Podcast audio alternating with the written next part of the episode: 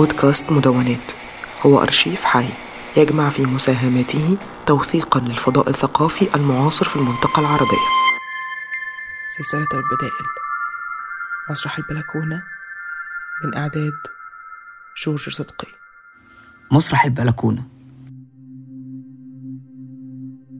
البلكونة بقت من أهم معالم مرحلة كورونا في مدن العالم وبقى الشباك هو المنفذ الوحيد اللي يقدر منه الإنسان المحاصر في البيت التواصل مع الجيران ويشوف السماء والأشجار. والناس دايما بقت بتجري للبلكونة عشان يشتركوا مع بعض في الغنى والعزف.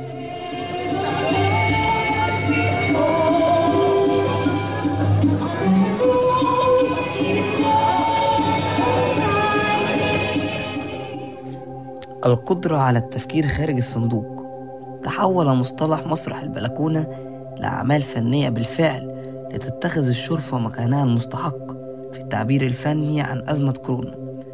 وبقيت المساحة العامة والمشتركة مع الآخرين اللي الفن بيخاطب بيها الناس بتحمل شعار عيني علينا يا أهل الفن في زمن الكورونا. عيني علينا يا أهل الفن يا عيني علينا.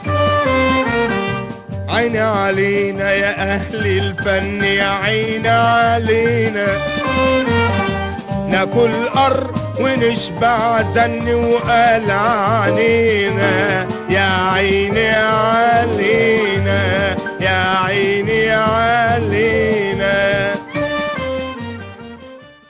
وحصل كل ده بسبب انقطاع التواصل بين الفنان والمتلقي وبسبب غلق الوسيط اللي هو المسرح واستحالة الإجراءات الوقائية في ظل توقف الحياة الفنية والثقافية في العالم أجمع.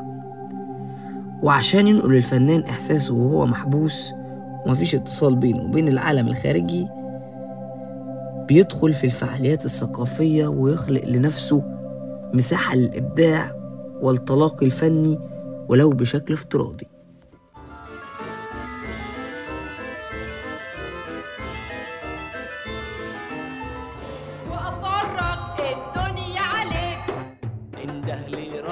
راضية وهاتهالي القهوة يا بيه من غير سكر. في فلوسي بتعمل.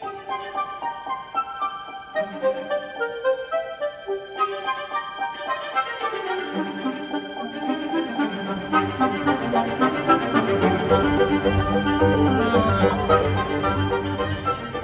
صديقتي هي قدمت آه، عدة مسرحيات وأنا قدمت عدة مسرحيات في ظل ظروف آه، متواضعة. اللي كان بيميز المسرح واللي بيخليه خارج أنا برأيي المنافسة مع كل التواصل وكل التقنيات الحديثة هو هاللقاء الحي باللحم والدم اللي بيجمعه مع الناس. المسرح سوف يعود وسوف يكون هناك تواصل مع الناس بشكل مباشر.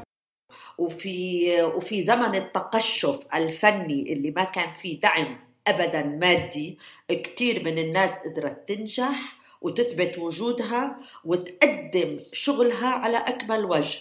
فإحنا يمكن يكون هذا القصور الاقتصادي اللي رح نواجهه والكارثة الاقتصادية اللي رح نواجهها يمكن تعزز الخيال أكثر ويمكن تخلق تحدي أكبر للفنان إنه يقدر يقدم حاله في طرق جدا متقشفة وجدا آه، آه، بسيطة.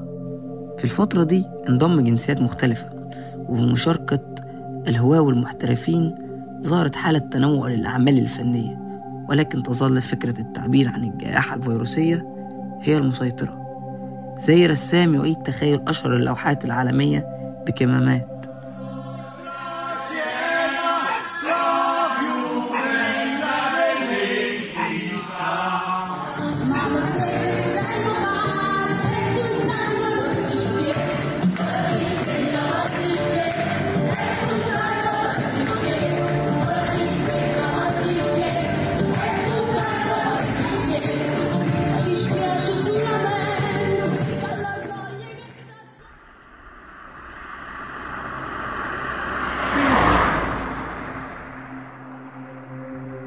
في المنيا صعيد مصر.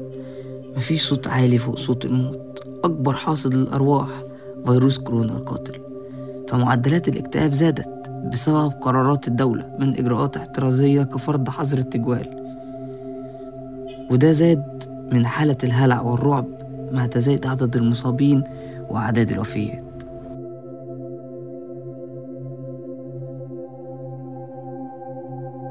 وفي هذا الوقت كان للفن والقائمين على الفن دورا مهما للتخفيف عن الناس حتى يتخطى الناس حالة الذعر والهلع بسبب كورونا حيث جاء دور الفن كجندي قبل أن يكون ثقافة ليبتكر في أبسط الأفكار ويبث روح المحبة في نفوس الناس ويخرجهم من حالتهم النفسية شبه المنتهية.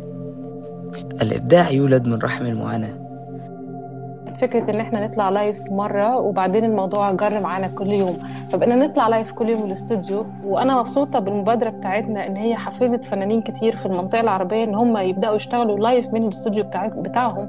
يعني أنا بتكلم عن نفسي أنا ببدأ أشتغل بشكل كتير عفوي وبشكل ما بكونش بفكر قوي أنا هعمل إيه. آه وطبعا فكرة إحساسي كفنانه تشكيلية إن في جمهور من الناس أو أو أصدقاء ليا أو أي حد لايف موجود بيتفرج عليا وأنا قاعدة في الاستوديو بيدخلني في حالة نفسية مختلفة خالص. وحتى لو كنا في أزمة أنا بعد أنا أعتقد إن الفن هو من أسلحة المقاومة الدايمة. الوسائل اللي كان كانت الوسائل التقليدية اللي كان بيتم توصيل الفن فيها تغيرت وصاروا الناس عم تلجأ للوسائل الافتراضية ولمواقع التواصل الاجتماعي عشان يقدروا يوصلوا فنهم للعالم. الجمهور اللي بيحضر طول الوقت أخبار سياسية و... ومركز طول الوقت في في أزمة الكورونا من جهة واحدة. فدلوقتي أصبح عند الناس أعتقد شبابيك جديدة بيشوفوا منها حياة الناس التانيين عايشين إزاي العالم يمكن بقى أوسع. الشيء المثير للاهتمام كتير والممتع إنه الحاجة هي أم الاختراع. فالإنسان لأنه عنده حاجة دائما لحتى يشارك فيها الآخرين لحتى يبدع وخاصة الفنانين فبيخترعوا مسرح البلكونة. وبقية المساحة العامة والمشتركة مع الآخرين اللي الفن بيخاطب بيها الناس. عين علينا يا أهل الفن يا عين علينا. ناكل قر ونشبع دن وقال عنينا يا عيني علينا يا عيني